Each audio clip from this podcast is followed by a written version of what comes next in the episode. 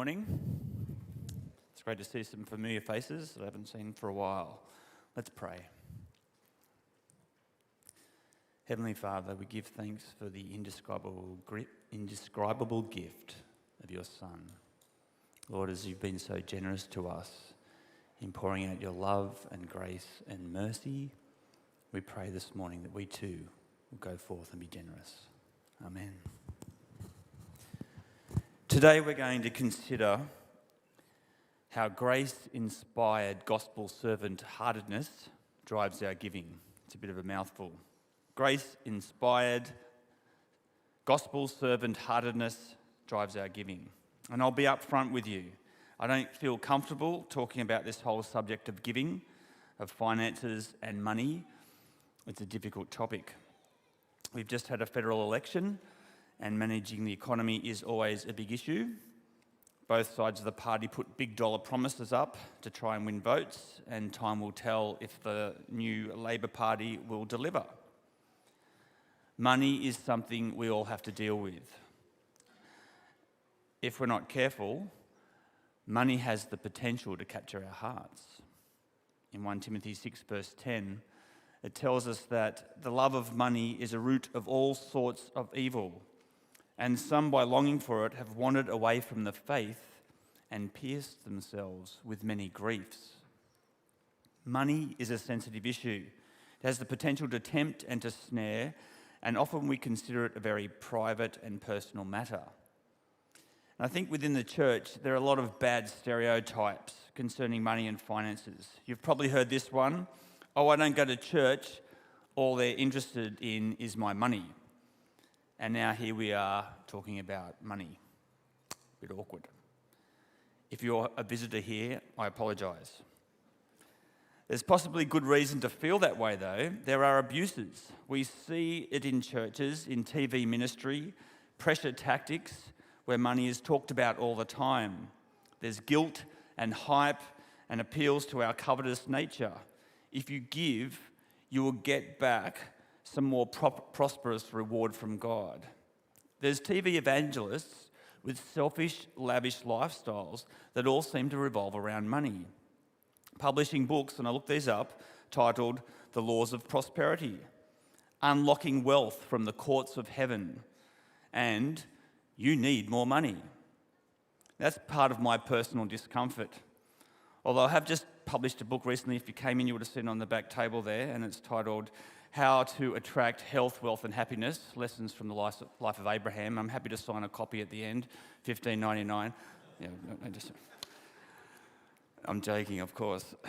I want to stay as far away from that stereotype as I can, so it's awkward to even speak about it. So if you're visiting, you need to know we don't talk about giving and money all the time. We have reminders that you can donate online and that we welcome uh, your financial gift offerings, and there is a box actually up the back there where you can place these. But what we try to do here is work our way through the scriptures as we teach God's word, and this just happens to be where we're up to. But this is an important topic, something we all have to deal with daily our finances, and it's something the Bible doesn't shy away from. The Bible speaks about these things about finances, about giving, and about stewardship. And there's a practical piece to this. The church, the ministry, the pastors, missionaries, the building, the lights, everything, all of this requires funding. Everything is functioning on the generous giving of the congregation. So we, we clearly have to be aware of this responsibility. But we certainly don't want to take advantage of the sheep and fleece the sheep. We want to feed the sheep. So here we are today, 2 Corinthians 8 to 9. And we have two chapters of the New Testament devoted to the subject.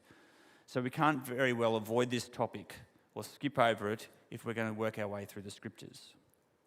So let's have a quick reminder of the context of these two chapters.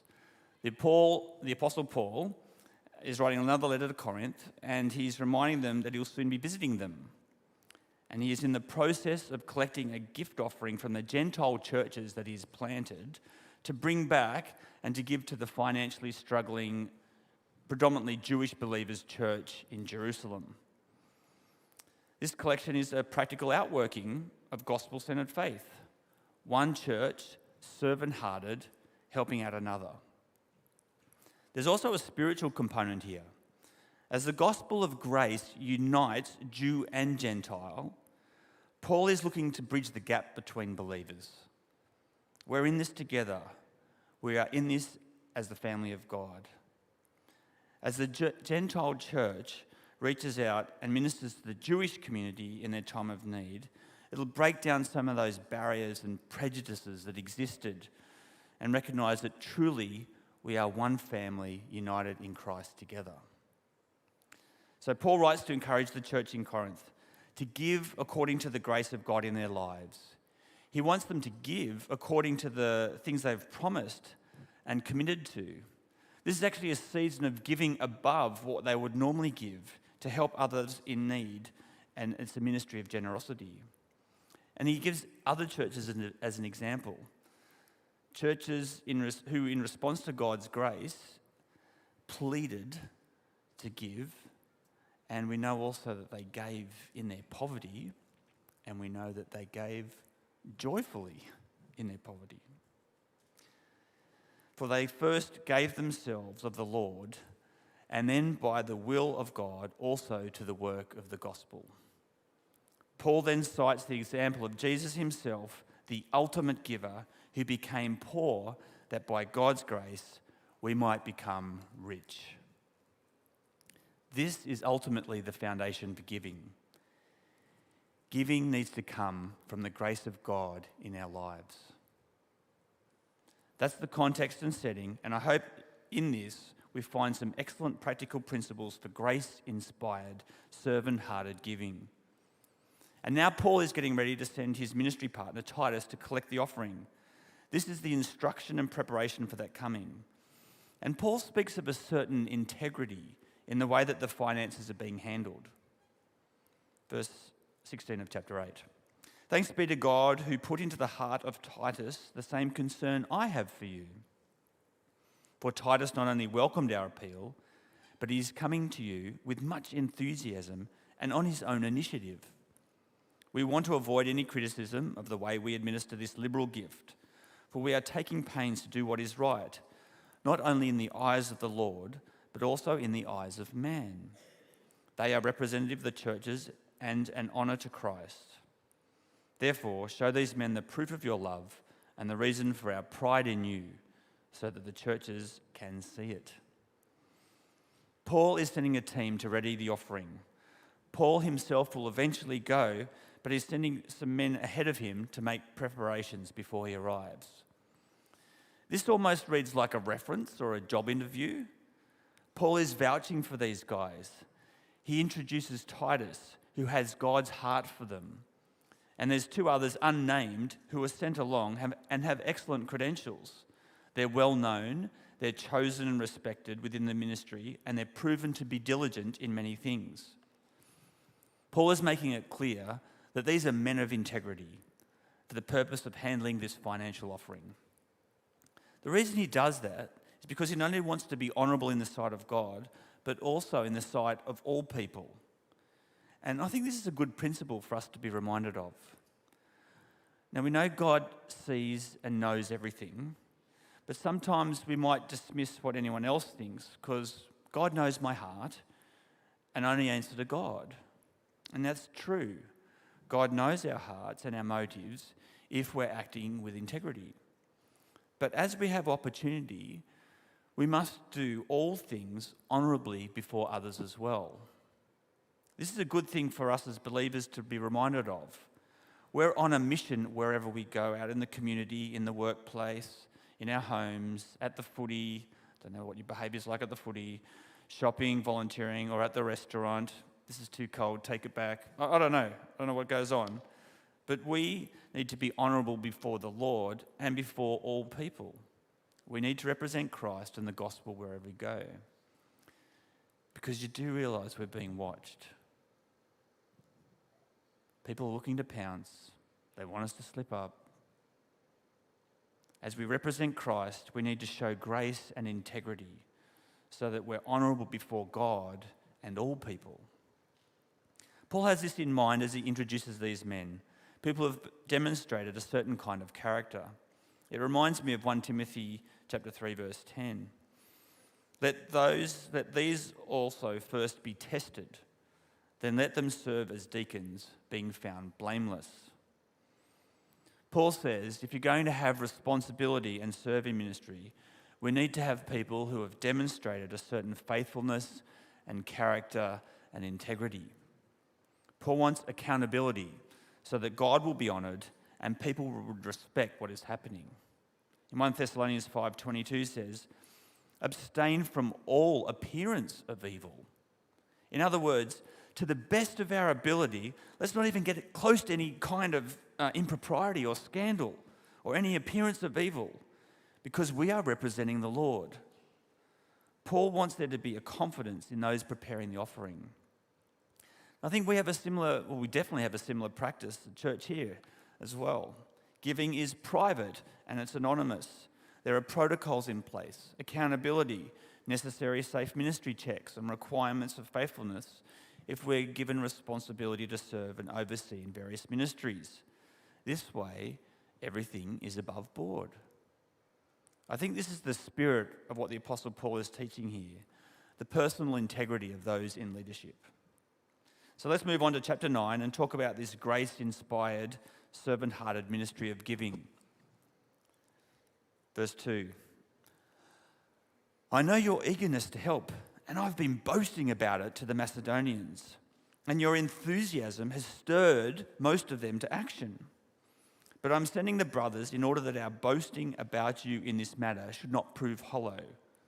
For if any Macedonians come with me and find you unprepared, we would be ashamed of having been so confident.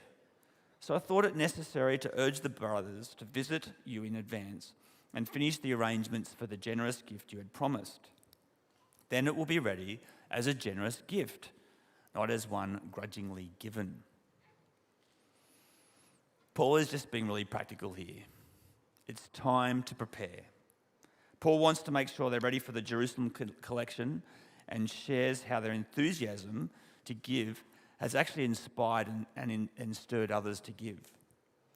Do you find that there's something about that? About hanging around people who love God and love serving God? Their enthusiasm, don't you find that a bit contagious? You kind of almost feel like, I want what they've got, you know, but it rubs off. I do really believe there's a ministry in giving. And it's not just finances. Actually, this passage doesn't mention money, but obviously it's, it's a giving, it's a collection, it will be financial. But when it comes to giving, it's not just finances, it's our time, it's our resources, it's all of us to the Lord. And it's not a competition, and it's not to be acknowledged by others, but it can be contagious. Giving is serving. The Macedonians, in their poverty, pleaded to be involved.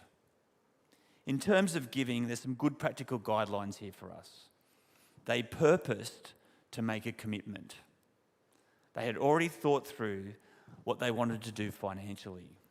It wasn't like, oh, when you show up, we're going to see what's in our pockets and you can have the loose change. And so I think giving requires purposeful and committed preparation. Within each of us, and to our own ability, we need to ask ourselves this Lord, how do you want me to be a part of your work in the kingdom of God? And this is not some random decision, it's thought out. So, having made their decision, Paul is asking the Corinthians to prepare. So, this requires a budget, diligence, setting aside a manageable amount. And so, reminded again in 1 Corinthians 16, verse 2 on the first day of every week, each of you should set aside a sum of money in keeping with your income, saving it up so that when I come, no collections will have to be made. Now, this makes sense, doesn't it? Giving a large money all at once, large uh, sum all at once, at once can be kind of painful, but a little bit set aside faithfully and diligently adds up. Think how we run a household. We would panic, I think, if we saw the cost all at once of Spotify and Netflix and binge and our car and health fund and insurance and mortgage and school fees and rent and groceries. But It's not so painful when we break it down into weekly, monthly, manageable portions and installments. I think we'd probably cancel some of those subscriptions if we realised. Anyway, Paul is communicating a practical diligence for the generosity of giving. If you do it this way, it can be done generously, not out of some grudging obligation. So when we prepare and purposefully commit each week, giving becomes part of our Christian walk, not out of resentment or guilt, but in response to God's generous grace. It's a willing servant heart. And so Paul expounds on this in uh, Corinthians 9 6 to 8. Remember this whoever sows sparingly will also reap sparingly, and whoever sows generously will also reap generously. Each of you should give what you have purposed in your heart to give, not grudgingly or out of necessity, for God loves. There's a false smile there, but He actually loves a cheerful giver. And God is able to make all grace abound to you, so in all things at all times, having all that you need, you will abound in every good work. Paul speaks of this principle of giving. He uses a natural understanding of sowing and reaping to help explain a spiritual principle and a spiritual reality. This spiritual law has been manipulated by ch- churches to fleece people. It's the stereotype we hear, where the emphasis is more on what you can get than what you can actually afford to give. It appeals to our greedy nature rather than giving a free will offering. If you're in need or want more, then give more, and you'll get even more back. Give to get. The truth is, though, this spiritual law does exist. As we justifiably recoil from the abuses we see, there is still a scriptural truth that we need, we need to allow God to teach us. It's about trusting Him with all our resources.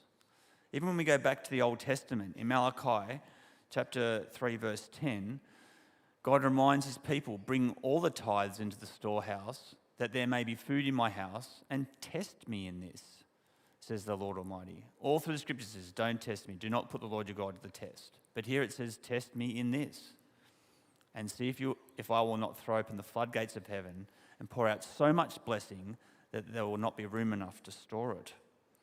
God says, Test me, try me, see if you'll be obedient in this giving I'm asking of you. So if I don't, if I don't bless you abundantly because of your willingness, I don't know what I've written there, and see if I don't bless you abundantly. This is the same principle Paul is referencing. If you sow, you will reap. Jesus himself said in Luke 6:38, "Give and it will be given to you." Paul wants them to understand there is a spiritual principle at play that if you sow, God will bring in for you a harvest. Sow and reap. With the understanding that God is my provider, that God is watching over my resources. And in this knowledge, each one should give what they've purposed in their heart, not grudgingly or of necessity, for God loves a cheerful giver. So when we begin to trust God and know that He cares and He's given us all that we have, we can then release back to Him for those things He wants us to take part in, knowing God will take care of us and bless us. This should allow for a certain cheerfulness in our giving as we have opportunities to invest in the kingdom building of, and strengthening of the saints. Giving is an opportunity for God's grace to release us and set us free from the stranglehold money and possessions and things can have on our lives. Paul says, Purpose in your heart and then give willingly and cheerfully for the Lord. This is the kind of purposeful giving we need to be part of. I share these principles not because I'm trying to manipulate, but because they're right and they're good. We need to look to God to direct and touch our hearts as we walk in faith. We give because God touched us with His love, with His grace. We love because He first loved us. So, all giving is to be a response, an act of worship, really, as the grace of God throws, flows through our lives. This is ultimately the foundation for all giving. All giving needs to come from the grace of God in our lives. So, giving is important. If you've done any travel abroad, you'd know we live in a really wealthy nation. And we have little sense of being deprived. Did you know this? That if you just earn $90 a day, you're in the top 1% of the wealthiest people in the world. We're so accustomed to having everything and we're so comfort oriented that it can be hard to give. After we've got the new outfit and the new shoes, God gets the change. We tend to be more interested in receiving. Does God get our first or does He get our last? Our God is a giver, He gave His Son. So I guess for some people, sort of um, want to know well, how much then? Like it's a ticker box? Settle that with God privately. If it's a tenth, then it's a tenth of your income. If it's more, then more. If it's less, then less. So sparingly, reap sparingly. So generously, reap generously. And there's different seasons in our life. And the harvest might not be what we expect. But know this our generosity is sowing the gospel into people's lives, and it is kingdom building. And here's the thing God doesn't need our money, God is interested in our hearts. Because if He has our hearts, then He has all that we possess, and He has all of us. Paul reminds us servant hearted giving is generous, it sows liberally, not sparingly. It's purposeful, it's committed, it's private, it's enthusiastic, it's joyful, it's cheerful. Giving needs to be proportionate. Don't feel like you have to give in accord with something you don't have. Don't reach beyond what you're able to do. Don't be unwise and go give so much in financial bind and become destitute. God is looking to our hearts, those who respond to His love, and He only asks us to give according to what we have, but to give generously. Willing hearts, rich or poor, can participate, just like the Macedonians. So let's allow the grace of God to direct and have its way in our hearts. Please pray with me. Thanks be to God for your surpassing grace, so generously lavished upon us. As Jesus gave his life, he gave everything for us. Lord, direct and rule our hearts. May we see that we have all we have because of you. May we sow generously into the lives of others. May we give generously, serve enthusiastically, not only supplying the needs of the Lord's people, but also as an overflowing expression of thanks to you. O God, may your kingdom come, may your will be done. May our giving be grace motivated, marked by cheerful generosity, and may this enthusiasm to give inspire others as the gospel of Christ motivates and impacts hearts. Thanks be to God for your indescribable gift in Jesus. Amen. Thanks, John.